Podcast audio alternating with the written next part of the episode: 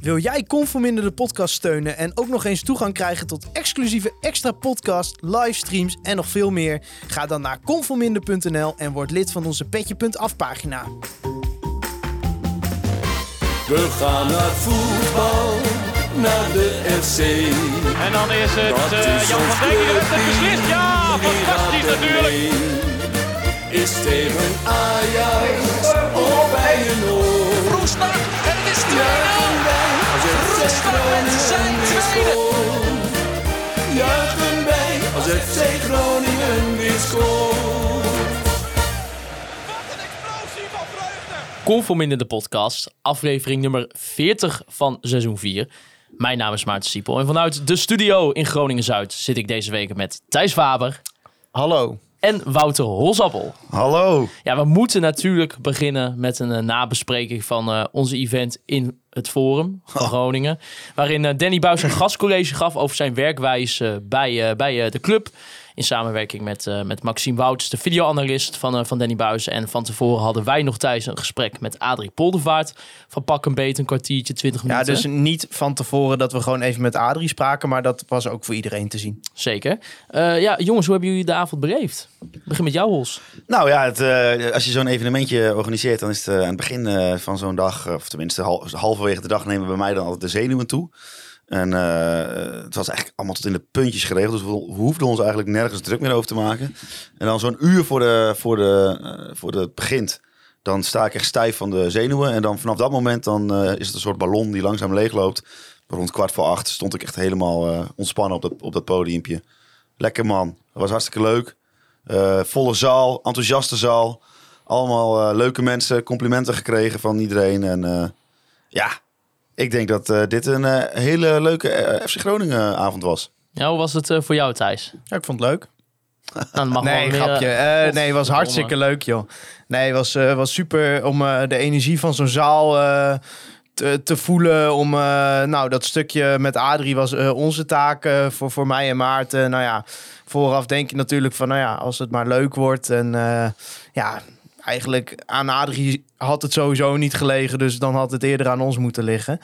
Ehm, dus ja, nee, het was, was hartstikke leuk om, om gewoon een keer eh, ja, zoiets live te doen. En eh, ja, ik moet zeggen dat ik na dat kwartiertje met Adrie daarna gewoon ja, dik een uur ontzettend gefascineerd naar Danny Buis heb geluisterd. Eh, weet je, het was voor mij ook voor het eerst dat ik dat zag.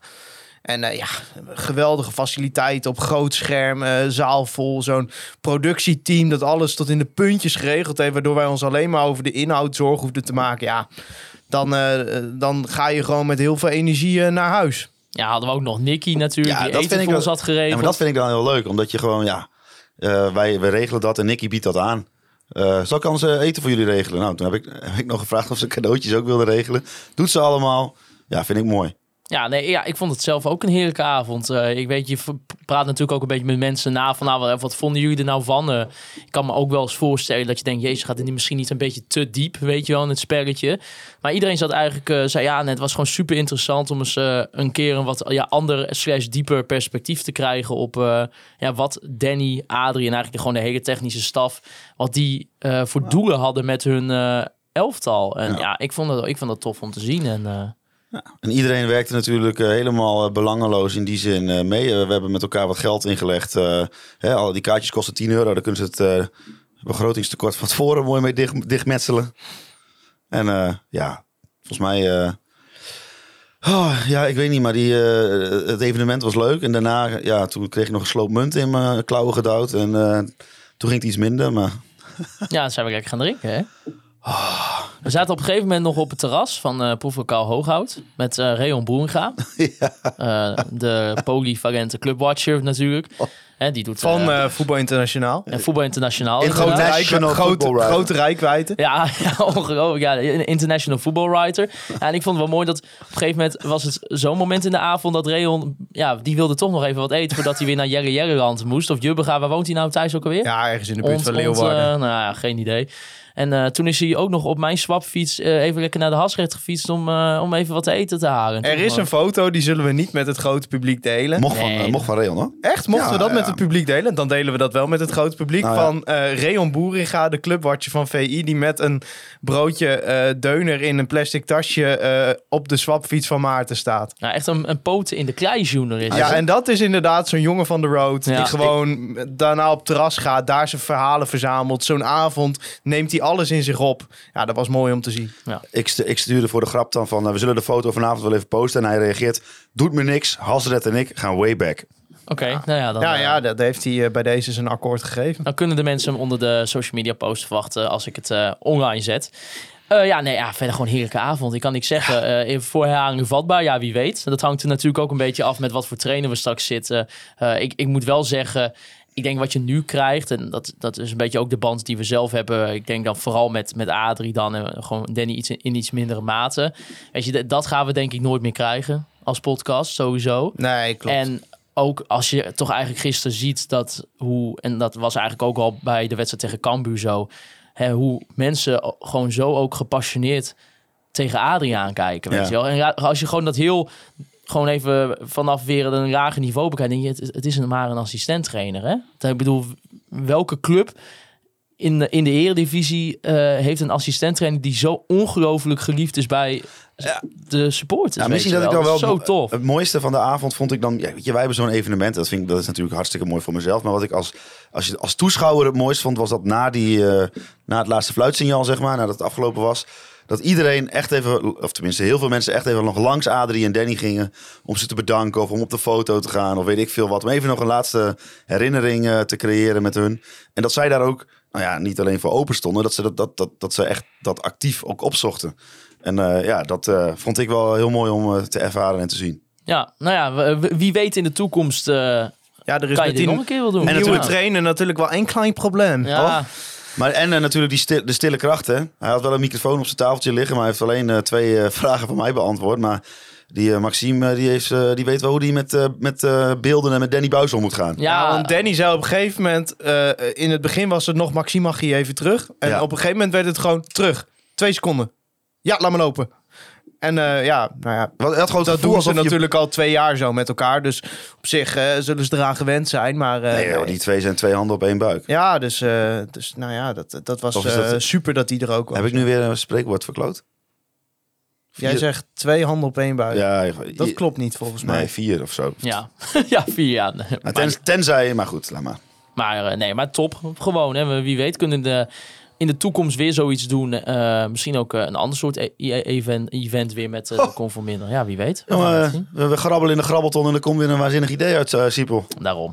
Hey, voordat we naar die twee wedstrijden gaan, hebben we nu ook eindelijk een overzicht van Rutger Ottens omtrent de voorspellingen die wij elke week doen. Ja, hij was er gisteren. En hij liet dat even zien. Ja, en Hols, jij stuurde dit door vanochtend aan ons. Want ja, als we even gaan kijken, hè, wij doen elke week die voorspellingen. Hoe vaak is het nou goed gegaan? Ja, Hols, jij bent unaniem de winnaar, hè? Ja, want eh, we zien zeg maar alle eh, afleveringen met de wedstrijd erbij. En we zien voornamelijk rood. Hè, bij eh, jou en Thijs is alles rood of niet ingevuld. En bij mij is alles rood op drie wedstrijden na. Ik heb drie wedstrijden goed voorspeld. Ja. Ja, en wij nul Thijs. Wat, wat zegt dat over onze ja, voetbalkennis die wij hebben? Nou ja, weet je, kijk, als ik dat goed kon voorspellen, dan zat ik hier niet. Nee. Dan zette ik elke week iets op de toto in. En dan, eh, ja, dan konden jullie me elke week inbellen van ergens een mooie villa ergens in de Algarve. Nou, dit verklaart ook een beetje waarom ik nooit meer wat win met die score 6 eh, sinds die ene keer dat het is gelukt. Nee, Eh, dus, eh, maar ja, weet je, kijk, voorspellen is nooit een zekerheid. nee, daarom. Maar als het wel, ja, nee.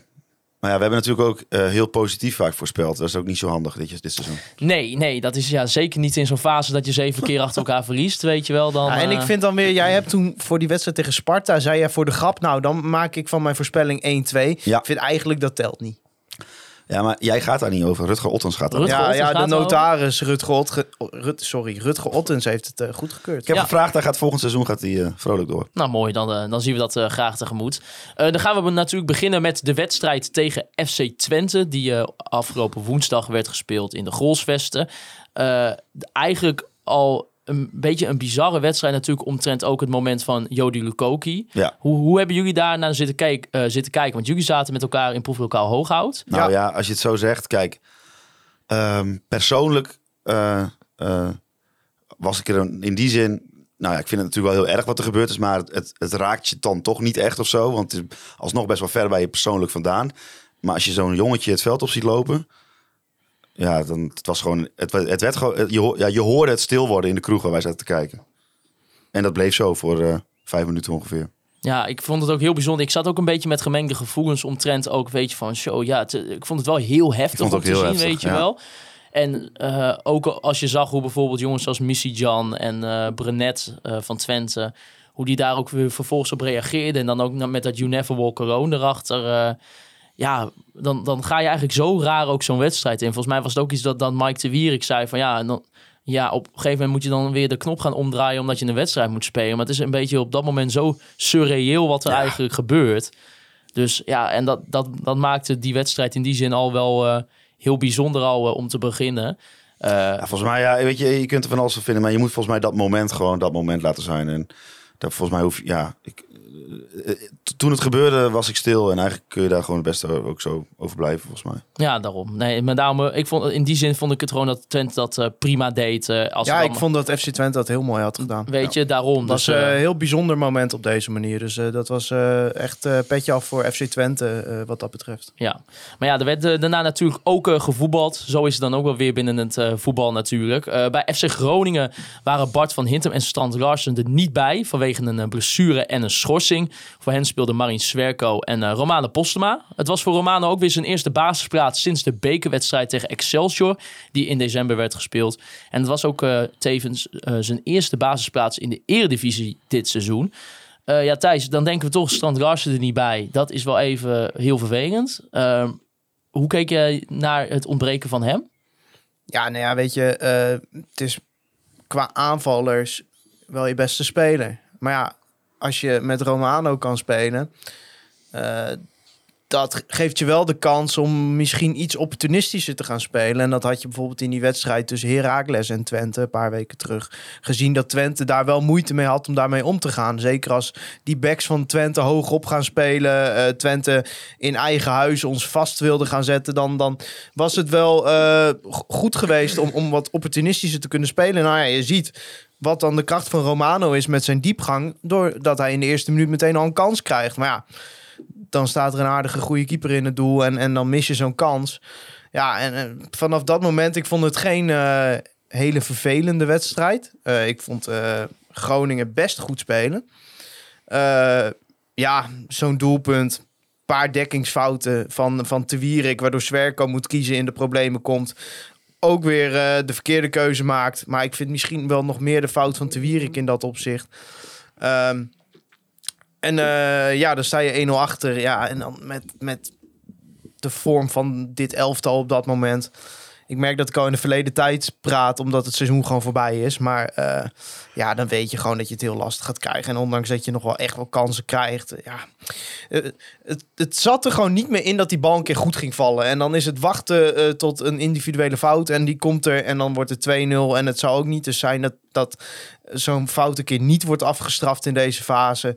Ja, zo, zo blijf je eigenlijk eh, gewoon bezig. Terwijl gewoon weer een wedstrijd die je ook best wel met resultaat had kunnen afsluiten. Ja, Hols, eh, nog even over die eh, 1-0 van de FC Twente. Eh, Ja. was dat ook een beetje misschien een symbool voor Nou. een reden waarom Marin Swerko misschien niet vast speelt? Zoals wij wel eens hebben geopperd een beetje aan het einde van dit seizoen. Nou ja, ik denk dat het wel weer een typische wedstrijd was waarin je ziet dat op het moment dat jij het op het verdedigend vlak niet op orde hebt, want dat is gewoon zo de laatste weken, dan leg je ook geen basis om een wedstrijd te kunnen winnen. Dus als jij eh, in- op beslissende momenten... Oh jongens, er komt even iets groots naar binnen vliegen, dat wil ik niet. Dikke wesp, sorry. Ehm, Oh, hij is nu wel binnen. Oh, maar Oh, hij gaat weer naar hij is buiten. weg. Als jij eh, constant dit soort fouten maakt waardoor je achterkomt. Nou, dat, dat hebben we bijvoorbeeld gezien tegen RKC. Het was helemaal niet zo slecht tot je achterkomt. Nou, tegen Twente was het ook niet, helemaal niet meer slecht nadat je achterkomt. RKC begon ook goed totdat je achterkwam. Cambuur begon ik, goed ja. totdat je achterkwam. Dus ehm, wat in de eerdere seizoenen buis er wel eh, aan de hand was, was dat je heel weinig weggaf. Heel weinig doelpunten weggaf. En heel weinig kansen weggaf. Dat gaf je de ruimte en de lucht om je beperkte aanvallende spel. Hè, dat je daar toch je af en toe je doelpuntje uithaalde. En nu, ja, als het aan de verdedigende kant niet is, dat, is dat kun je wel concluderen bij de, eh, de coach Danny Buis. Als het aan de verdedigende kant niet lukt, ja, dan gaat het aanvallend al helemaal een moeilijk verhaal worden. Daar begint het gewoon bij Danny Buis en bij FC Groningen de laatste jaren. Ja, toch heb je wel na dat doelpunt van, eh van Czerny toch best wel eh, tot een beetje pak een beetje misschien het tweede doelpunt heb je best wel wat kansjes gehad. En zo- zoals Buis dat natuurlijk noemt, mogelijkheden tot kansen. Hè? Ja, zeker. Ik bedoel, je had Ngonga bijvoorbeeld die gevaarlijk werd met de redding van, van Oenerstal. Bjorn Meijer die de bal ja, eigenlijk een beetje voorlangs schoot. En vervolgens ook nog in de tweede helft eh, vanuit de lage voorzet van El Hankouri eh, kunnen eigenlijk Romane Postema en Michael Dreeuwen misschien eventueel eh, binnen gaan lopen. Dus in die zin, die, die mogelijkheden waren er dan wel, Thijs. En dat is toch best knap tegen de nummer 4 van, van Nederland uit. Ja, die waren ook niet in goede doen hoor. Dat, dat moet gezegd. Maar op zich, het idee klopte wel om, om gewoon opportunistisch te spelen. Ja, dan moet die bal een paar keer goed vallen. Maar ja, ik merk wel dat. Ja, vind nabeschouwen eigenlijk. ja, weet je wat het is? Je, je bent nu die wedstrijd aan het nabeschouwen, maar ja, het heeft geen consequenties meer. Nee. Het, het, het, ja, het is gewoon klaar. Het seizoen was die avond eigenlijk al klaar. Ja, voelde je dat ook zo? Zeker misschien Ja. op het moment dat die 2-0 valt, waar Casemiro de fout in gaat. Dat je dacht van ja, Ik ging zonder verwachtingen die wedstrijd in. En ik dacht, ja, als je het nu omdraait, dan ga je zondag ook van Cambuur winnen. Want dan hebben ze de geest. Ga je alsnog de play-offs in. Maar ja, dan gaat zo'n 2-0 erin. Dan valt zo'n 3-0. Dan denk je in eerste instantie, nou, dat is buitenspel. Nou ja, was het ook niet. Ja, weet je wat, weet je wat het gewoon is? De koek was gewoon enorm op de afgelopen weken. En dat geldt ook voor die wedstrijd tegen Cambuur. Nou ja, de intenties waren er elke keer wel. Maar op het moment dat je inderdaad van twee tegendoelpunten krijgt, dan zie je gewoon... Ja, ja. weet je, gewoon een algeheel gevoel van dat iedereen er wel klaar mee was. Ja, dat De spelers, voel ik ook zo. Ja. de staf, ikzelf. Ik spreek alleen voor mezelf. Ik weet niet hoe het met medesport zat. Ik heb veel mensen gesproken die hetzelfde gevoel hadden. Zoals mensen die zeiden, ja, normaal hoop je altijd op play-offs. En nu hadden we zoiets van, ja, nou ja, als het valt, dan juichen we. Maar Danny, zeg maar, als, als het goed valt, dan juichen we. Maar ja, weet je, eh, dat had ik zondag na het laatste fluitsignaal ook wel. Ja, je hebt er dan ook wel vrede mee. Je hebt je kans al vergooid. Je hebt wekenlange pole position gestaan. Gewoon een aantal waardeloze wedstrijden gespeeld. Ja, als je dan op de laatste speeldag moet Pinkster en Paas op één dag vallen... en dan kun je nog verder. Nou ja, op een gegeven moment was de 60ste minuut... stond Heerenveen 3-0 voor. Wist je al dat het sowieso niet meer ging lukken. Dus ja, weet je wat het is? Het is... eh, Prima zo. Ik zit echt al met mijn hoofd bij het volgende seizoen. ja, maar eh, Danny Buis zegt dan ook, hè, je ziet bij zeker die jongens die voor het eerst een, eh, een jaar in de Eredivisie spelen, dat die vermoeidheid aan het einde van zijn seizoen optreedt. Merk, mer- hebben jullie dat dan ook wel in die afgelopen weken in het veld gemerkt? Dat je denkt, ja, de, de, de koek is inderdaad ook wel op. Ik denk dat eh, vooral mentaal vermoeidheid opgetreden is. Ja, je, het, wat ik, ik heb het al een keer eerder genoemd. Het voelde een beetje als een uitgewrongen ha- handdoek. Ze proberen wel, ze proberen wel, ze gaan er echt wel voor. De intenties zijn er wel.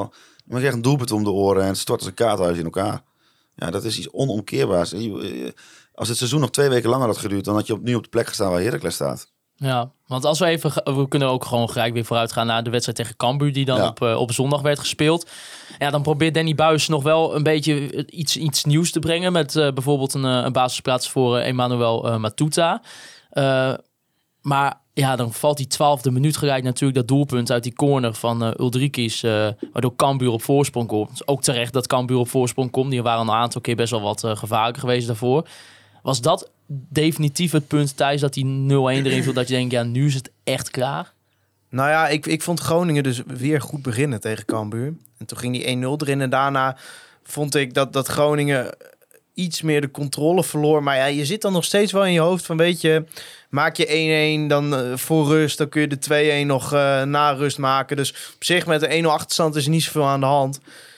Maar ja, weet je, het, het ging een beetje hand in hand met de bericht eh, van de score in Heerenveen. Dat het op een gegeven moment 1-0 werd voor Heerenveen. Kijk, het begon goed, want Fortuna kwam al snel op voorsprong. Ja. Ja. op dat moment had je virtueel bij een voorsprong gewoon in die play-offs gestaan. Ehm, maar ja, weet je, op een gegeven moment dan valt die 1-0 van Cambuur weer uit zo'n corner. Dan dat je denkt, ja, het, eh, het zit er gewoon niet meer in. En eh, ja, kort na rust eh, wordt het 2-0. Die eh Ja. Ul, Ul, Ul, Uldrikis, die Uldrikis. heeft, Uldrikis, die heeft eh, volgens mij aanvallend en verdedigend heeft hij bijna al zijn kopduels gewonnen. Ja, en elke bal die hij aan zijn voet kreeg, die stuitte er de 20 meter vanaf. Ja. Ja. hij heeft wel een kwaliteit en dat heeft hij laten zien. Maar hij kna- kopt hem knap binnen. Zo, dat is een moeilijke zin. Ja, maar eh, bij de corners van Groningen Ja, voor, kopte die alles ons, weg. werden die genomen Ja. door eh, eerst Duarte en die mocht op een gegeven moment niet meer, want die schoot ze allemaal op het hoofd van 0-3 kist. Toen moest Ja. Soeslof proberen, schoot hij weer op het hoofd van 0-3 kist. Ja, je kan je afvragen of je misschien even ergens anders neer moet leggen daarna. Ja, Niet op het hoofd van... want die stond, eerst, die stond zeg maar bij de eerste paal en niet, maar niet bij de eerste paal, maar vlak bij de eerste paal. En die rende gewoon naar voren en die kopte alles. weg. ah, weet je, dit was gewoon een wedstrijd tussen twee ploegen met een hele matige verdediging. Dus op zich lag de wedstrijd gewoon wel open. Ja. Want Cambuur gaf ruimte weg en Groningen gaf ook weer zeeën met, eh, met ruimte weg. Ah, die, eh, die, die kans voor eh, in 22e minuut van of zo van de Gongen.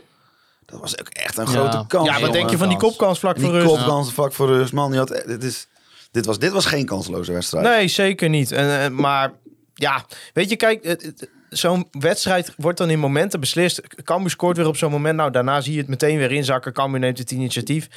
Eh, nou, vlak voor rust vergeet je de 1-1 te maken met die kans door gewoon een bizarre redding van Sonny Stevens. Nou, en dan na rust krijg je heel snel de 2-0 tegen. Nou, dan eh, kun je het wel vergeten, zou je zeggen. Scoor je nog 2-1, denk je, oh, hè?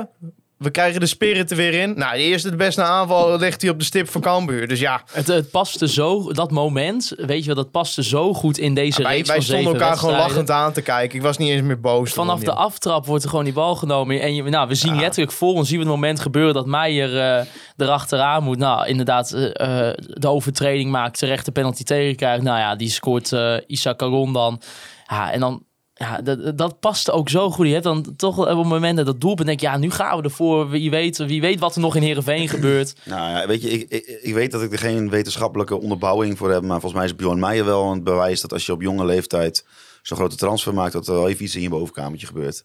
Nou ja, Dat je even, dat je even en dat gaat helemaal niet om of dat hij dan eh, zich te goed voelt voor Groningen of dat hij arrogant is of weet ik veel wat. Maar er komt gewoon zoveel op zo'n gast af. En je ziet gewoon in zijn spel dat het, dat, dat, dat, dat effect heeft. Dat hij niet meer eh, degene was in zijn voetbal dan die wedstrijden voor. En dat mag ook, want die jongen is hartstikke jong natuurlijk. Dat is, dat is ook geen enkel probleem, maar je ziet het wel heel duidelijk. Het is meer constatering dan een waardeoordeel. Ja, iemand die mij dan in enigszins eh, positief opviel in die laatste twee wedstrijden, als het eh, een beetje in het aanvallend spel was, toch wel Cyril en Gonge. Za- zag ik, ja, ik weet niet eh, of jullie het misschien met me eens zijn of niet, maar daarom wil ik het ook even voor jullie voorleggen. Ik, ik zag bij soms weer een beetje vragen in het aanvallende spel, wat je ook wel in die fase zag eerder dit seizoen dat hij in vorm was en al die maar die doelpunten jongen die heeft toch onvoorstelbare Ja, kwaliteiten dat in zie je gelijk, hè? Dat zie je gelijk, Ja. Ja. Maar ja, je, Ja, zo jammer. Je moet het ook op een constante basis doen. En je moet ook eh, dat in teamverband kunnen doen. Dat zijn, ja, dat zijn dus kennelijk dingen waar hij het moeite mee heeft.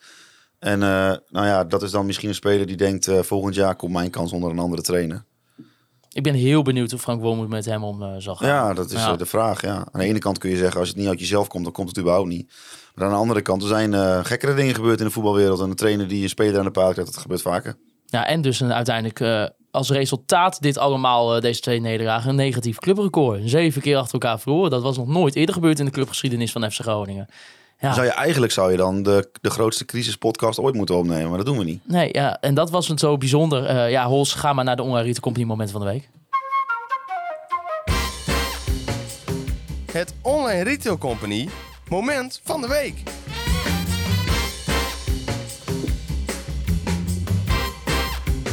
Ja, ons moment van de week gesponsord door onze grote vrienden van de Online Retail Company.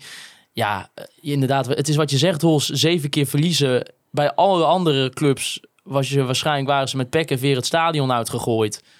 En, eh, en we zaten te wachten en dat moment kwam. Ja, dat was toch prachtig, Thijs. Ja, we spraken ze er gisteren even over natuurlijk bij ons eh, evenement. En eh Buis zei ook wel een beetje gekscherend van ja, eh, dat het hem ook niet verbaasd had in die zin als de hele tribune leeg was. Hij zei, kom op man, zeven keer op rij verloren, dat kan toch niet? Maar ja, dat zegt denk ik genoeg over ja, wat hij wat hij heeft neergezet afgelopen vier jaar. En er is genoeg op zijn trainerschap aan te merken. Hij zou dan zelf altijd zeggen, ik maak ook fouten. dat heeft hij weet gisteravond denk ik twintig keer gezegd. Maar gewoon, hij heeft wel denk ik veel mensen meegenomen in, in het verhaal. Ehm, veel mensen bij, bij eh, ja, het, het, de club weer kunnen betrekken. Ehm, ik denk dat er ook wel een, een deel is van mensen die, die een ander soort voetbal zoeken, die die juist weer een beetje meer bij de club weg heeft ge- gehaald. Dat, dat, dat is er natuurlijk ook. Maar ik denk dat eh, het feit dat deze twee of drie mensen met Edwin Bolt erbij, de teammanager, eh, wel gewoon laten zien dat het, het ook belangrijk is om naar die vier jaar te kijken en niet naar alleen die laatste zeven wedstrijden. Dus ja, weet je, over de afgelopen vier jaar gezien is Groningen gewoon de zevende ploeg van Nederland qua prestaties onder Danny Buis. Sinds Danny Buis aantreden. Ja. ja, dat is natuurlijk gewoon met onze begroting hartstikke goed. Maar eh, vier jaar geleden, toen eh, hadden wij deze podcast eh, nog niet. En nou, ja, toen kwam ik dus eigenlijk ook nooit bij FC Groningen. En ik heb dus eigenlijk als een soort buitenstaander, als die vieze gore Ajax ziet, heb ik FC Groningen leren kennen. Jullie hebben mij meegenomen. En Groningers zijn altijd heel, eh, hè, die zijn eh, nuchter en dat zegt, zegt men altijd. Nou, ik heb Groningen leren kennen. Dat is eigenlijk een extreem emotionele club. Echt extreem. En dan in liefdevolle manier. Nou, dat hebben we gisteren gezien. Nou, en soms kan het ook nou, een beetje, een beetje kwaai worden. Hè? En soms gaan ze onderling ook allemaal niet altijd best met elkaar om. Maar er zit gewoon zo ongelooflijk veel emotie bij de mensen. En dat hebben we toch eh, op het veld gezien. Ja, het was, ik vond het zo bijzonder ook. Eigenlijk, natuurlijk toen die 2-0 kwam, dat was eigenlijk een beetje het moment dat we allemaal zaten te wachten Ja. totdat dit zou gaan En gebeuren. ik had er ook echt zin in. Ja, het klinkt gek, maar ik had zin in dat afscheidsmoment. Iedereen, iedereen, ook toen dat laatste fluitsignaal kwam. Want je gunt die mensen dat of zo. Ah, joh, ja. het, was, het was prachtig, weet je wel. En daarna gaan, weet je, ze gaan een beetje liedjes zingen. Het was ook het afscheid van een aantal spelers erbij. Ja, ik, eh, ik kan niks anders zeggen. Het is in die zin ook gewoon gek inderdaad, want je verliest zeven keer. En eh, over het algemeen zou je eh, gewoon kunnen zeggen dat het, dat het gewoon een, een klote seizoen voor FC Groningen is geweest. Ik heb er ook wel een enorm eh, dubbel gevoel bij. Gewoon het afscheid van, van Adrie en van Danny en van, en van Edwin Bolt. Maar dan in dit geval met name eh, Danny Buis. Ehm, kijk, alles in mij zegt wel... het is goed dat er een nieuwe trainer komt. Hè, je- deze laatste zeven wedstrijden komt natuurlijk niet helemaal uit de lucht vallen. Nee. Ze hebben er alles aan gedaan om het tijd te keren. Dat geloof ik heilig. Maar ja, op een gegeven moment moet je gewoon als club zeggen... weet je, het is na vier jaar ook mooi geweest. En het is bekend... Danny Buis en Mark Vladeris kunnen niet met elkaar door één deur heen. Ja, als je dat als band met elkaar hebt... ja, dat is al een basis van niets. Dus daar, alleen daarom is het al goed. Naast dat het, het, ja, het mag wel iets attractiever. Ik denk dat we als club nu in de fase komen. eh, dat we ook weer het budget hebben om te kunnen gaan werken naar zowel attractief als resultaatvoetbal. Maar als jij beseft, het moment dat Danny Buis hier binnenkwam, hè, toen Ernest Faber eh, vertrok, dat laatste seizoen Ernest Faber, ja, de sfeer bij de club was echt verrot op sportief gebied. En Danny Buis die komt daar, dus zijn eerste klus, eerste tien wedstrijden, vier punten. En nog aan het einde van de rit, inclusief deze laatste eh, periode, ben je de zevende club van Nederland qua prestaties. Heb je behalve dit seizoen elk seizoen de play-offs gehaald. En dat coronaseizoen dat niet is afgemaakt. We hadden nooit geweten hoe dat was geëindigd. Nou, met eh dan en Postema in de spits. Niet heel best waarschijnlijk. Je weet het niet. Misschien hadden ze toen wel het tij weten te keren en alsnog de play-offs kunnen halen. In ieder geval elk seizoen de play-offs gehaald, behalve dit seizoen. Ja, maar dan heeft hij plus die, die 40 miljoen die hij verdiend heeft in de tussentijd met het ontwikkelen van spelers. Ja, dan heb je toch gewoon een hele goede klus gedaan. Hij heeft elk seizoen heeft hij zijn beste spelers zien vertrekken. Hij heeft nooit aan een kern kunnen werken. Ehm, en ik, ik zeg niet dat hij het perfect heeft gedaan, maar in deze fase van de club heeft hij wel gewoon een gigantische bijdrage eraan geleverd. Dat we nu als club in een positie staan dat er financieel meer mogelijk is. Dat je van die investeerders af bent.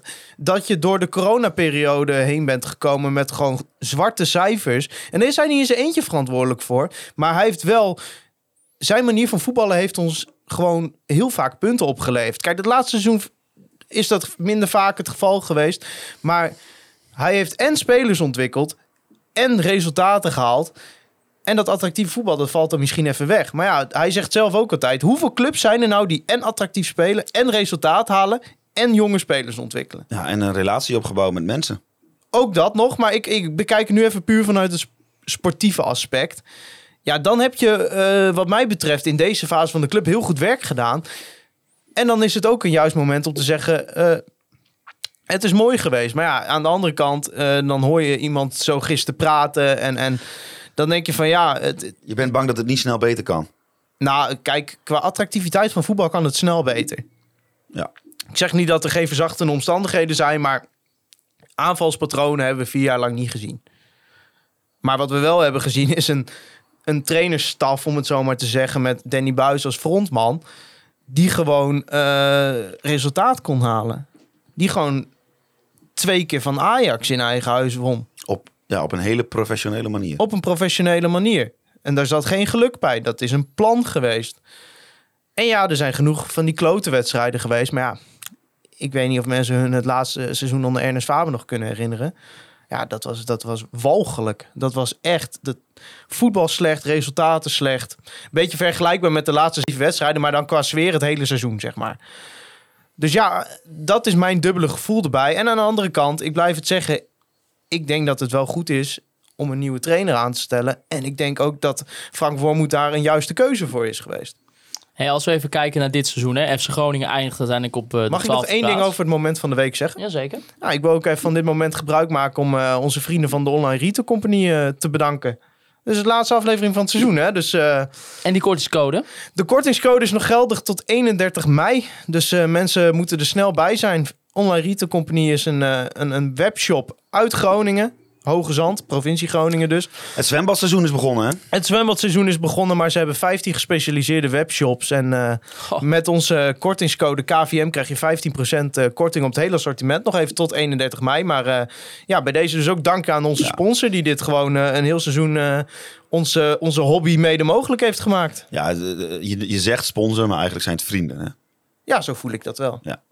Mooi. En zo voel je dat ook als je daar wat bestelt. Want Ja. de klantenservice, dat is top. Ik, eh, ik laat morgen weer een, eh, een nieuw zwembadje be- Ja, ja, ja, jij hebt ja, een paar zwembaden ja. liggen. Zo, ja. Morgen even naar Noorderplantsoen toe. Het wordt mooi, wordt mooi weer. Ik denk, nou, ik neem even zo'n opblaaszwembad mee. Ja, En die je, heb ik dan gekocht bij de Onwarite Company. je bent gek als je het niet doet. Nou, dat bedoel ik. 15% korting, ja, ik blijf het ja, zeggen. Nou ja, tot 31 mei, mensen. Wauw. Ik zeg doen. Hey, eh, FC Groningen thuis, die eindigt dan uiteindelijk op de twaalfde plaats met, eh, met 36 punten. Eh Kassian Oudman die had een eh, vraag. Die zegt, eh, van alle vier seizoenen onder Buis was dit de meest doelpuntrijke, eh, tevens eh, eh, doelpuntrijke seizoen. Eh, 96 goals, dat zijn dus ook tegengoals. Hij, eh, hij heeft het over de alle wedstrijden bij elkaar met doelpunt van, eh, van het eigen team en van de tegenstander. En het is ook het enige seizoen waarin eh, we in het linker rijtje zijn geëindigd qua doelpunten voor iets meer geluk en ook de play-offs waren gehaald. Dus moet men niet Buis eigenlijk meer prijzen voor de attractieve wedstrijden die er zijn? Nee, maar ik, ik snap wat je probeert te zeggen, maar... Nou, wat de- Kassian probeert de- te zeggen. Ja, wat Kassian probeert te zeggen, maar de attractieve wedstrijden zijn op één hand te tellen. Daar komt bij, oké, je hebt net de play-offs niet gehaald. Ik heb even een paar eh, ranglijsten van afgelopen seizoenen erbij gehaald. Vorig seizoen was je bijvoorbeeld op 11 punten van de play-offs geëindigd, als je, als je 36 punten had gehad. En twee punten van de eh, plek degradatie. Nou, nu, eh, Of drie was het vorig seizoen. Het is dit seizoen twee. Dus oké, je hebt tot de laatste speeldag het in eigen hand gehad.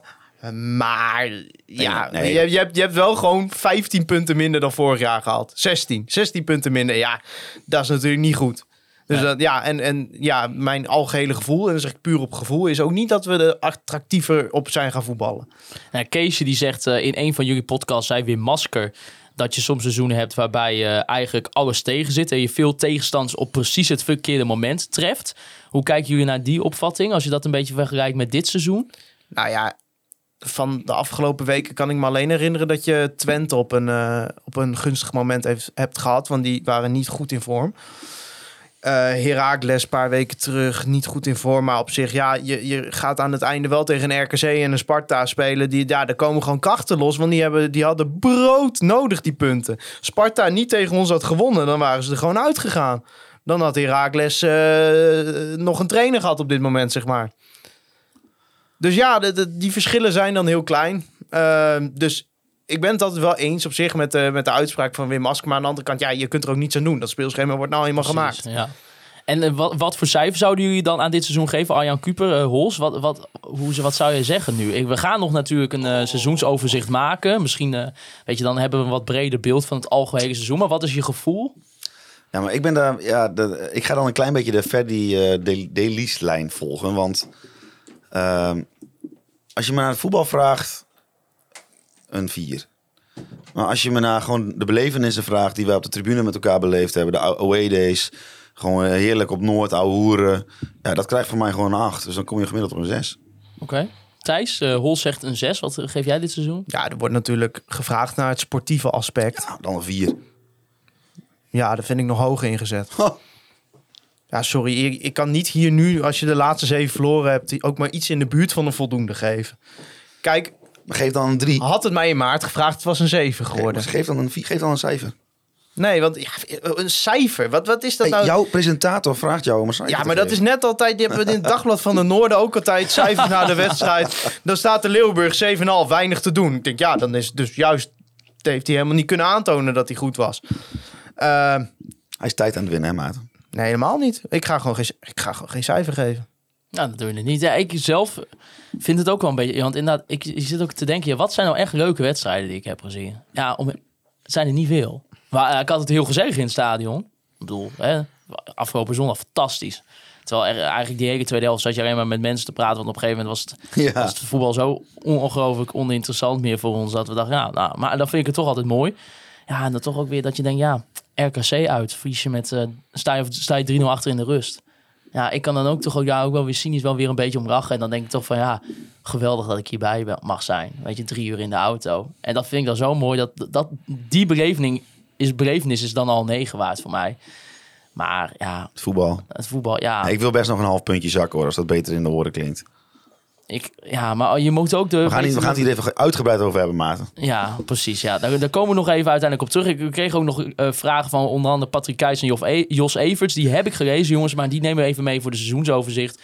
Ging onder andere over eh, ja, welke spelers uit de selectie eh, beter vervangen kunnen worden die er nog voor volgend seizoen zijn. Of de, onze favoriete wedstrijd van het seizoen. Maar dat, bespreken we dus nog Klinkt even als later. typische seizoensoverzicht vragen. Daarom, daarom. Dus die komen nog wel terug. Die heb ik hier genoteerd. eh, en eh, ja, die vol- zullen nog terugkomen omtrent het eh, en dat doen we traditiegetrouw uiteraard met een gast, hè? Dat eh seizoensoverzicht. Zeker, ja. Dus, eh, we hebben nog niet helemaal besloten wie, maar eh, daar komen we nog wel eh, op terug. Dat eh, ziet men eh, vanzelf wel eh, verschijnen.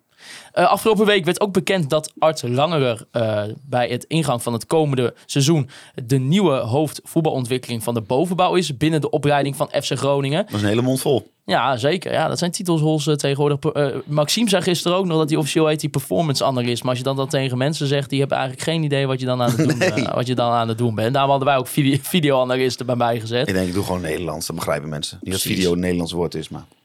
Nee, maar eh, Langere die tekent een contract eh, voor eh, drie jaar en eh, zal tegelijkertijd ook bondscoach bij Curaçao zijn. Als we een beetje zijn geschiedenis induiken, dan is hij eh, ooit in 2008 coördinator van de opleiding van PEC Zwolle geweest. En daarbij is hij ook nog eens eh hoofd bij PSV geweest en hoofd voetbalontwikkeling bij de KNVB. Ja, als trainer is hij natuurlijk eh, bekend bij PEC Zwolle, waar hij in 2012 ook een kampioen werd van de eerste divisie. Natuurlijk, die laatste fase dat hij bij PEC Zwolle zat, is dat eigenlijk een beetje heel vervelend afgelopen voor hem. Dat hij op een gegeven moment heeft gezegd van, ik stop ermee. En hij heeft ook nog drie wedstrijdjes voor Jong Oranje als interim trainer ge- is hij geweest.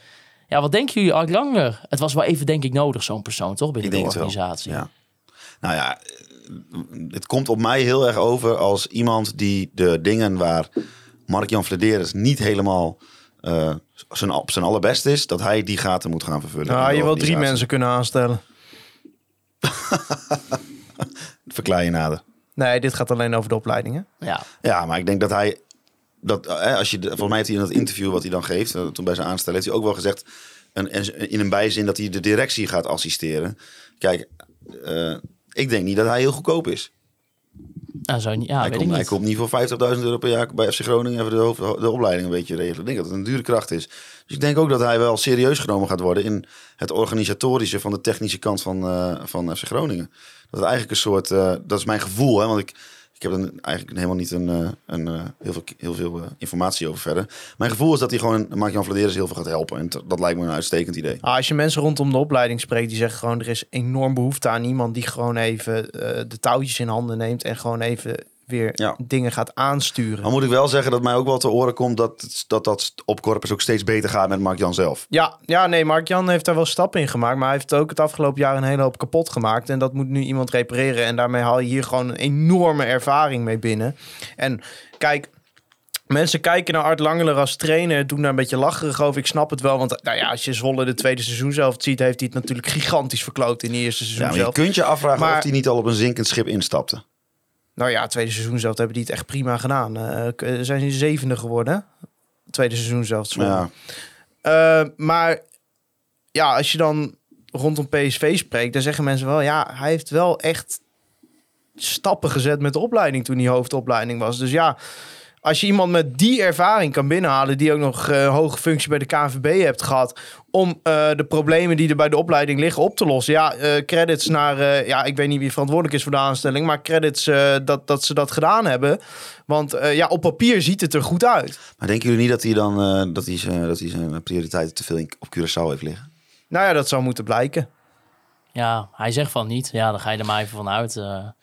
Maar ja, je haalt natuurlijk, eh, Wat een kijk, contrast, de- jongens. Van het strand van Curaçao naar de A7 bij Corpus en Hoorn. Ja, bij dat Oh, winderige bij dat winderige trainingscomplex, trainingscomplex. Ja, Ja, haalt. Kijk, kijk, de kritiek op, op de directie de afgelopen eh, seizoen, en dat is meestal dan richting Vladeris gericht, is van eh, alles met kritiek gaat eruit en wel alleen maar ja-knikkers. Ja, je zet nu, ik weet niet wie er verantwoordelijk is voor deze aanstelling, maar je zet nu iemand naast zich neer. Ja, die laat zich echt niet door Mark-Jan Vladeris vertellen wat hij moet doen hoor. Dus eh, wat dat betreft is het wel gewoon een, een moedige stap en ook iemand die ja, misschien iets constructiever dan eh, bijvoorbeeld een Danny Buis of een Adrie Poldervaart, die altijd wel redelijk direct zijn, eh, ja, b- bijdrage kunnen leveren om die organisatie te verbeteren. Dus in, die zin vind ik het gewoon een, een goede en gedurfde aanstelling. Ja, ik had Adriaan van de, van de Pek Zwolle podcast, had ik ook even berichten gestuurd. Want die heeft ook wel een podcast opgenomen met Art Langer. Die, die kent hem, heeft misschien een beetje een beter beeld van hem. Ik vroeg hem ook van ja, wat denk je Art in, in deze functie? En hij zei eigenlijk van, ah, ik, denk, ik denk wel dat het hem eh, past. Eh, als trainer had ik het niet meer gedaan als ik jullie was. Maar inderdaad ook al met de, de ervaring die hij heeft al in dat, in dat oprijden bij PSV. Maar inderdaad dus ook bij de KNVB en nou, dus vroeger al bij, bij PEC Zwolle. Ja, met, dat- ja, op papier zou het, eh, zou het een leuke aanstelling kunnen zijn. Ja, en ik denk zelfs, want ik maakte er net een beetje een geintje over natuurlijk, het Curaçao, hè, lekker op het strand. Maar ik denk zelfs dat dat best wel gezond kan zijn. Als jij bij FC Groningen, wat toch wel een, dat is toch gewoon een, topsportorganisatie waar iedereen eh, constant bij elkaar op de lip zit. Hij kan één keer in de zoveel weken, kan hij er even uit, even uitzoomen, even met iets anders bezig. En dan komt hij toch weer met een frisse moed terug. En dat gebeurt dus, nou, ik weet niet hoe vaak Curaçao speelt. Dat zal een keer zes, zeven keer per jaar zijn. Je zes, zeven keer per jaar heb je eigenlijk, komt je een van de eh, mensen bi- eh, binnen je organisatie die nou, toch belangrijke organisatorische eh, vraagstukken moet oplossen, komt weer met een frisse blik, komt hij weer terug. Ik denk dat dat helemaal geen verkeerde, ver- verkeerde combinatie is eigenlijk. Nee, misschien zelfs zou Art nog wel leuk zijn voor in de podcast. Nou ja, Ja. laten we hem even aan het, laten we hem even aan het werk gaan. Dat lijkt me inderdaad een uitstekend idee. Wie weet eh, is dat wel een leuk Podcastje op Curaçao? Ja, dan gaan we met hem mee naar Ja. Curaçao. Ja, prima. Is, eh, is geregeld eh, bij deze. Eh, dan Matthias Mulder. Die is aangesteld als nieuwe teammanager van de eerste selectie. Hij volgt daarmee Edwin Bolt op. Mulder is al eh, 15 jaar actief bij de FC in verschillende functies. En nou, eigenlijk een beetje voor ons was hij vooral natuurlijk bekend in de functie van supporterscoördinator. ja, wij kennen Matthias natuurlijk ook wel een beetje. Spreken hem wel eens hier en daar een beetje om, omtrent de uitwedstrijden bijvoorbeeld. Wat, gevoel, wat voor gevoel is bij Yugi? Nou, ik denk dat het voor Groningen gewoon wel heel goed is als daar, dat daar iemand eh, staat die echt door en door FC Groningen is. Dus ik denk dat op dat, op dat vlak, ja, weet je, ik, ik ken, je zegt, ik, ik ken hem een beetje, maar ik ken zijn kwaliteiten niet echt. Nee, Daar kan ik niet wat over zeggen. Ik vind het gewoon heel mooi dat daar een echte FC Groningen man staat. Dat is wel goed, denk ik. Ja, ben je het mee eens, Thijs? Ja, zeker. En het is Matthias gewoon enorm gegund. En Ja. ik- ik- eh, ja, met mijn beperkte kennis van, van hem een aantal keer gesproken, denk ik wel dat hij eh, met die spelers en zo, er, hij is altijd heel erg, eh, ja, hoe zeg je dat, bezeten van dat het allemaal goed moet gaan. En, en dus ik, de- ik denk dat wel echt dat het iemand is die dag en nacht voor zijn baan leeft. En, en dat is wel iets wat je als teammanager nodig hebt. We hebben vrijdag nog even kort Ja. met Edwin Bolt gesproken. Ja, dat was het eh, de eerste keer ook. de vertrekkende teammanager. En die, ja, die vertelt dan verhalen over zijn, eh, over zijn baan. En dan denk je van, jezus, dit is wel een job hoor. Ja. Je hebt eigenlijk gewoon een hele selectie, eh, gewoon een jaar lang op schoolreis. Hè? Die moet, daar moet je alles voor regelen. Ja, want, want wat, kan, je, kan je me daar even een klein inkijkje geven? Ik was er zelf niet bij. Ja, want wat- dat was natuurlijk de afscheidsborrel van Danny en eh, Adrie en eh, Edwin. En eh, Adrie heeft natuurlijk geen vrienden, behalve wij, in Groningen. Dus wij mochten komen. En, eh, maar toen heb ik dus voor het eerst in vier jaar dat we deze podcast maken Edwin Bolt gesproken. Nou, ik vind het echt een geweldige gozer om gewoon mee te Ja, heel leuk gesprek mee gehad. maar wat komt er nou allemaal kijken dan bij zo'n bij Ja, maar je bent gewoon alles wat die spelers nodig hebben, vragen ze aan jou. Dat kan echt gaan van, van nieuwe kleren voor een nieuwe speler, zeg maar. Bijvoorbeeld, Strand Larsen die kwam, ja, dat is het bekende verhaal. Die had alleen een trainingspakkie. Ja, die is toen gewoon eh, op de scooter met Edwin Bolt naar eh, de Herenstraat gereden. En die is met Edwin Bolt kleding gaan kopen. Ben wel benieuwd welke winkel dan. Dat komt er even bij eh, als, eh, als teammanager, weet je wel. Ja, dat, dat is gewoon... Je moet dag en nacht voor, die, eh, voor die jongens klaarsteken. Raymond Sluiter, die tennisser... die natuurlijk nu coach is eh, van menig tennisser... Die was ooit gepolst om de nieuwe teammanager van Feyenoord te worden. Dus die was er op eh, gesprek geweest. Daar vertelde hij over in de Core podcast. En hij zei, ja, toen kreeg ik uitgelegd wat die functie inhoudt. En toen zei hij, nou, ik ga erover nadenken. Maar eigenlijk in de auto naar huis had hij al zoiets van... ja, dit gaan we niet doen.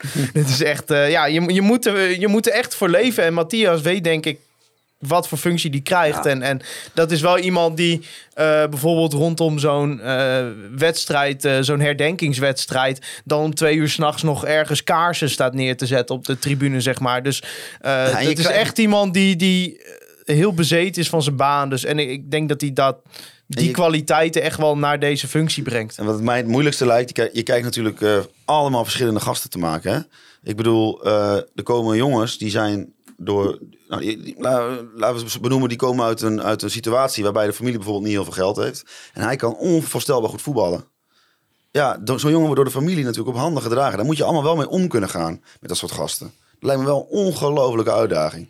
Ja, Dus, eh, nou ja. Het is, niet alleen, ja, het is niet alleen maar de nummertjes doorgeven bij de wissels, Nee, zeg maar. nee, dat, nee. er komt wel meer bij kijken. Ja. Ja, nou, succes eh, Matthias dan. eh, Ja, zeker. ja, en het is hem. bovenal gegund. Ja, Daarom, geweldig, top man. Top.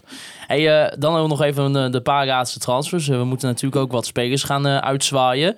Eh, allereerst heeft FC Groningen wel de optie gericht in de huurovereenkomst van Alex Mortensen. Die we even ja, heel kort een aantal keer in, de, in het, eh, dit seizoen hebben gezien. Dat tegen Twente onder andere nog eh Helmond Sport Daar liet Marijn hoofd. Slachter ons nog even mee schrikken, hè? Waarmee dan? Nou, die zei dat we daar zes ton voor hadden betaald. Oh, Dat klopt ook wel. Ja, zes ton in Zweedse kronen, ja. ja. is Dus dat is 60.000 euro of zo. oh, oké. Ja, ik vond eh, zes Ja, ton. ik, ik dacht al, ik dit, dit- oké, er is een verbeterde financiële positie, maar er werd zo uitgelegd, ja, we willen de komende tijd kijken of hij eventueel de potentie heeft om een eredivisie-speler te worden. Ik denk, daar ga je toch die zes ton voor betalen? Maar dat klopte dus ook niet. Dat was 600.000 Zweedse kronen. Nee, ik sprak nog even met eh Sil Piek van, eh, van FC Groningen, die een beetje een beeld kon schetsen van, eh, van zijn ontwikkeling. Die zei in ieder geval tegen mij op de tribune afgelopen zondag tegen Cambuur dat het wel echt een speler is die eh, inderdaad, wat ook op het statement op de website staat, dat hij zich wel echt goed aan het ontwikkelen is. En dat het zomaar wel een, eh, een eh, speler voor de eerste selectie zou eh, kunnen zijn. Maar ja, wij, wij zijn ook niet elke dag op Corpus, dus onze visie is in Oh, die zin gelukkig ook een beetje beperkt. Nee, het is maar beter ook inderdaad. Dus ja, dat, dat, dat gaan we zien. Eh, Sebastian Toenek, die gaan we in ieder geval niet terugzien. Want die mag weer vertrekken. Die heeft volgens Flederis eh, zijn potentie niet helemaal omgezet in, in ontwikkeling. Ja, en Sebastian Toenek, die weet je, het maakt allemaal niet uit. Het, geldt trouwens ook nog voor Melairo Bogarde, die ook zal vertrekken. Eh, Mo El Hankouri, Bart van Hintem en Bjorn Meijer. We gaan ze allemaal uitzwaaien. We, we nemen natuurlijk ook nog Danny en Adrie en Edwin Bolt mee. Wie weet, eh, ooit tot ooit nog, maar in ieder geval.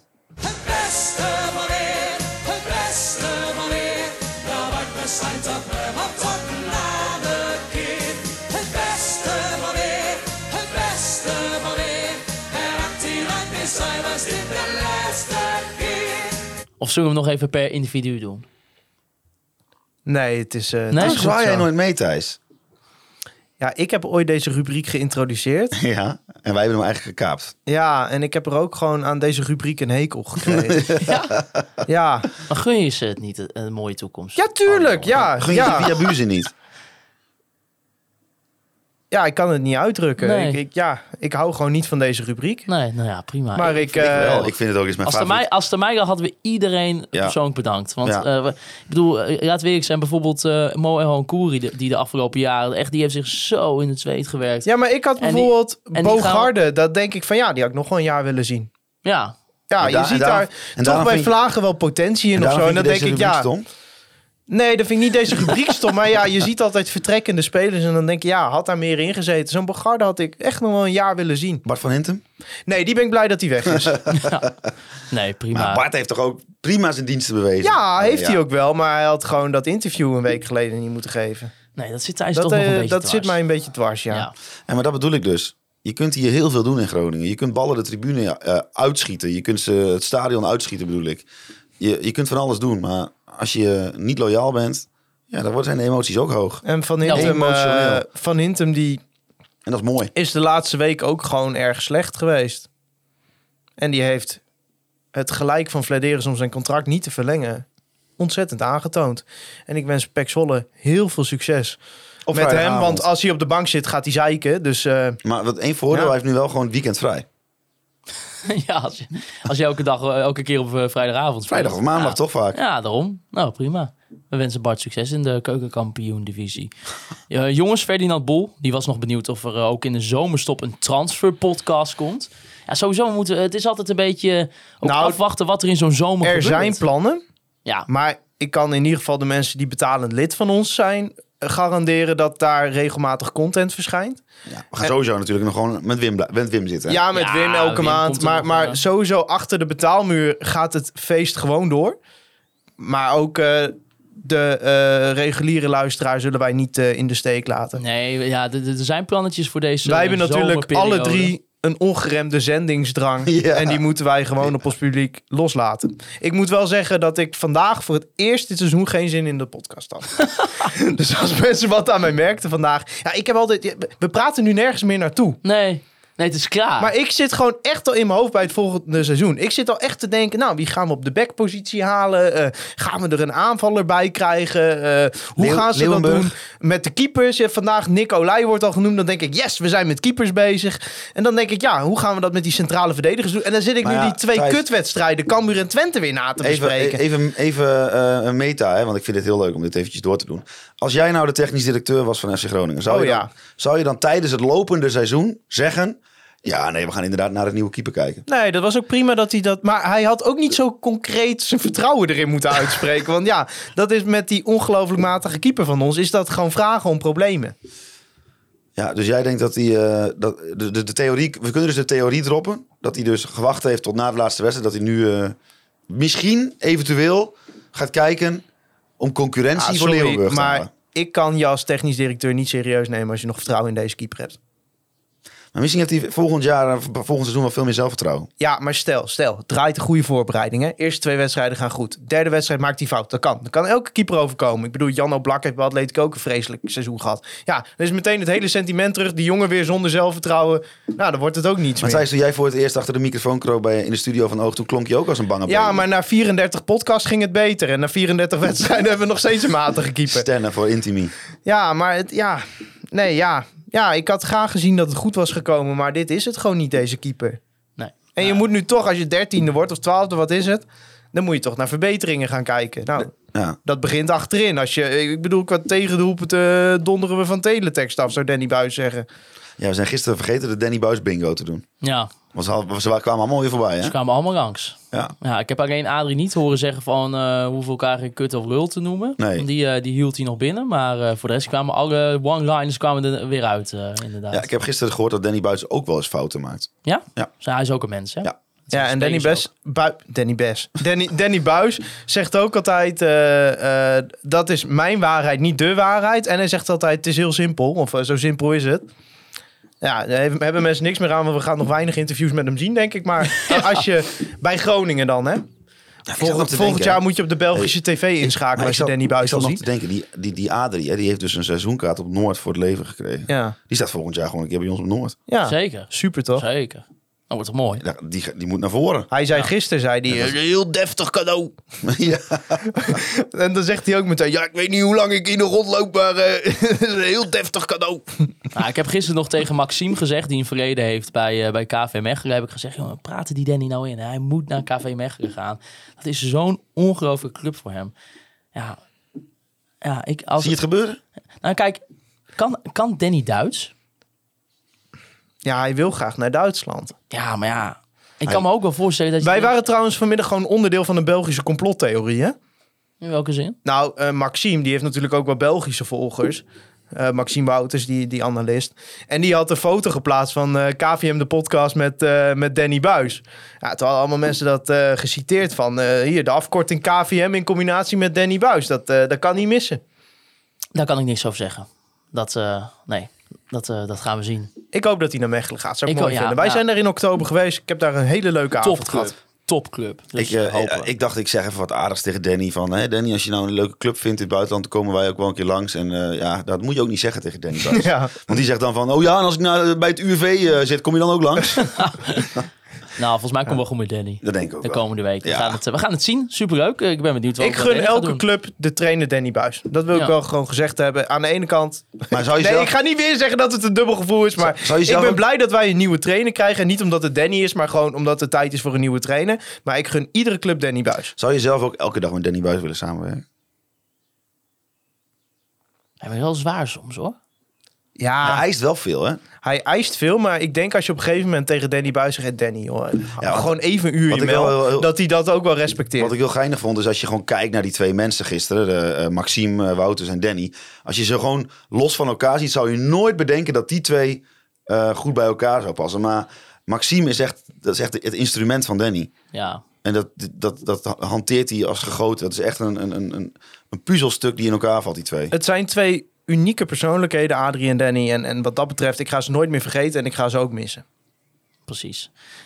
Ik wil nog even één klein dingetje bespreken. Ja. Nou ja, klein dingetje. Het is, het is best wel wat nieuws geweest. Als we even kijken naar onze toekomstige trainer, Frank Wormoed. Die wordt er dan even zomaar uitgeflikkerd Ja. tegen Heracles, Al- bij Heracles Almelo. Ja, jongens, jullie zijn een beetje de Excelsior. Heracles-experts van deze podcast. Nou, Maar ik ben wel benieuwd. Ja, maar hoe kijk je... alle klachten die ik heb over de directie dit jaar, zeg ik altijd bij. Maar in algehele zin heb ik het gevoel dat het prima gaat op sportief gebied. Hè?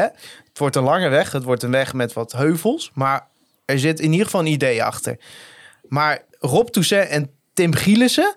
Als wij die hier nu gehad hebben, dan had ik mijn seizoenkaartje ingeleverd. En wat zijn dat een, mensen met een hoop onkunde, zeg. Maar heeft dit ook nog... Ik had niet echt mijn seizoenkaart ingeleverd, want ja, uiteindelijk ga je toch wel.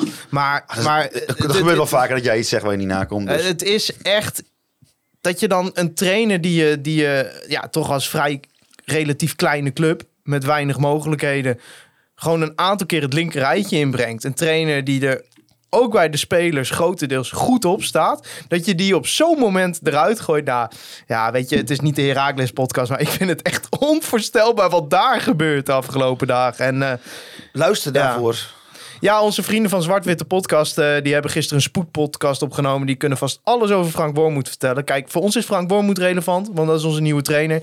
En het, eh, ja, weet je, anders had hij nu twee weken minder vakantie gehad. Hij kan nu gewoon lekker uitgerust aan die voorbereiding beginnen. Nou ja, wat ik me Ik zie alleen maar voordelen. Waarom ik dit toch even nog kort wilde bespreken. Van, je- heeft dit ook nog invloed een beetje op ja, die, misschien die beginperiode bij Groningen? Want het is natuurlijk niet lekker als Joh, die, die man die, die heeft toch alles al een keer mee. Nee, maar ik bedoel niet voor hem, maar voor het beeld wat er om hem Oh, ja, maar als hij de eerste drie verliest, dan zegt iedereen, ja, kijk, eh, zie je wel. Ja.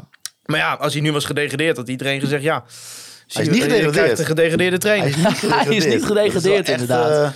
eh, en wat, ik, wat ook nog zo is, eh, er is nog helemaal geen assistent voor hem. Ja, Alfons, die eh, blijft gelukkig. Ja. Hè, Ja, geen die- idee. Ja, de, de, de namen bedoel- zijn wel eh, de revue al gepasseerd met de Maduro. eh, Paul Simon is natuurlijk die. eh, Ah, ik die zag vandaag Casey die eh, assistent van Twente die het dit jaar eh, heeft neergezet. eh, eh, een beetje het fundament onder het succes van Twente is die, eh, die vertrekt. Ja, Andries eh Uldering. Uldering. Ja. Ja. ja, nou ja, wie weet. Nou, dat zou wel zo iemand zijn dat ik denk, ja, die heeft echt afgelopen jaar best wel indrukwekkende dingen laten zien eh, bij Twente. Ook als Ron Jansen is ook altijd de eerste om dat toe te geven. Dus ja, dat zijn wel van die namen dat ik denk, nou, als je dat aan je staf kan toevoegen en een ervaren trainer, nou, dan heb je alweer een goede equipe staan. Natuurlijk Alvas Arts, iemand die de club inmiddels ook goed kent, die de spelers goed kent.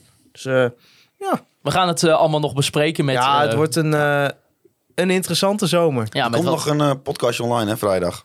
ja, zeker. Vrijdag komt er nog een podcast online waarin eh, van een half uurtje is toch ongeveer Ja, Ros? Klaas-Jan Terveen, die eh, was er gisteren natuurlijk gewoon bij als eh, gast. Maar eh, die had een microfoon mee. En die heeft eh, ja, een verslag gemaakt van ongeveer een half uur. En eh, gaat dat ook luisteren. Ja, voor een- iedereen die het gemist heeft. Die, toch nog eh, een beetje het gevoel wil krijgen hoe dat was. En Ja. eh, Danny komt aan het woord. Eh, Adrie komt aan het woord. Eh, bijvoorbeeld Neil Petersen, die was erbij. Die komt nog even aan het woord. Dus, Reon Boeringa, voordat hij een aantal biertjes in zijn mik had, Ja. eh, komt aan en het voordat hij een kebabje van, eh, op had gehaald bij de Hansred.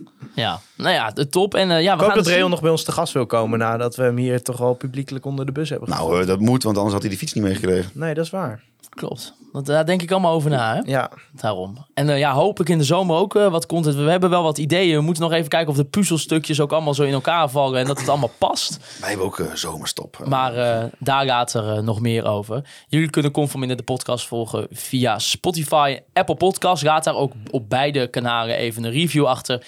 Je kan ons ook luisteren natuurlijk via Google Podcast. En via al onze social media kanalen, Facebook, Instagram en Twitter. Ik wil natuurlijk Andy Zuidema bedanken voor de foto's die wij elke week mogen gebruiken voor al onze social media uitingen.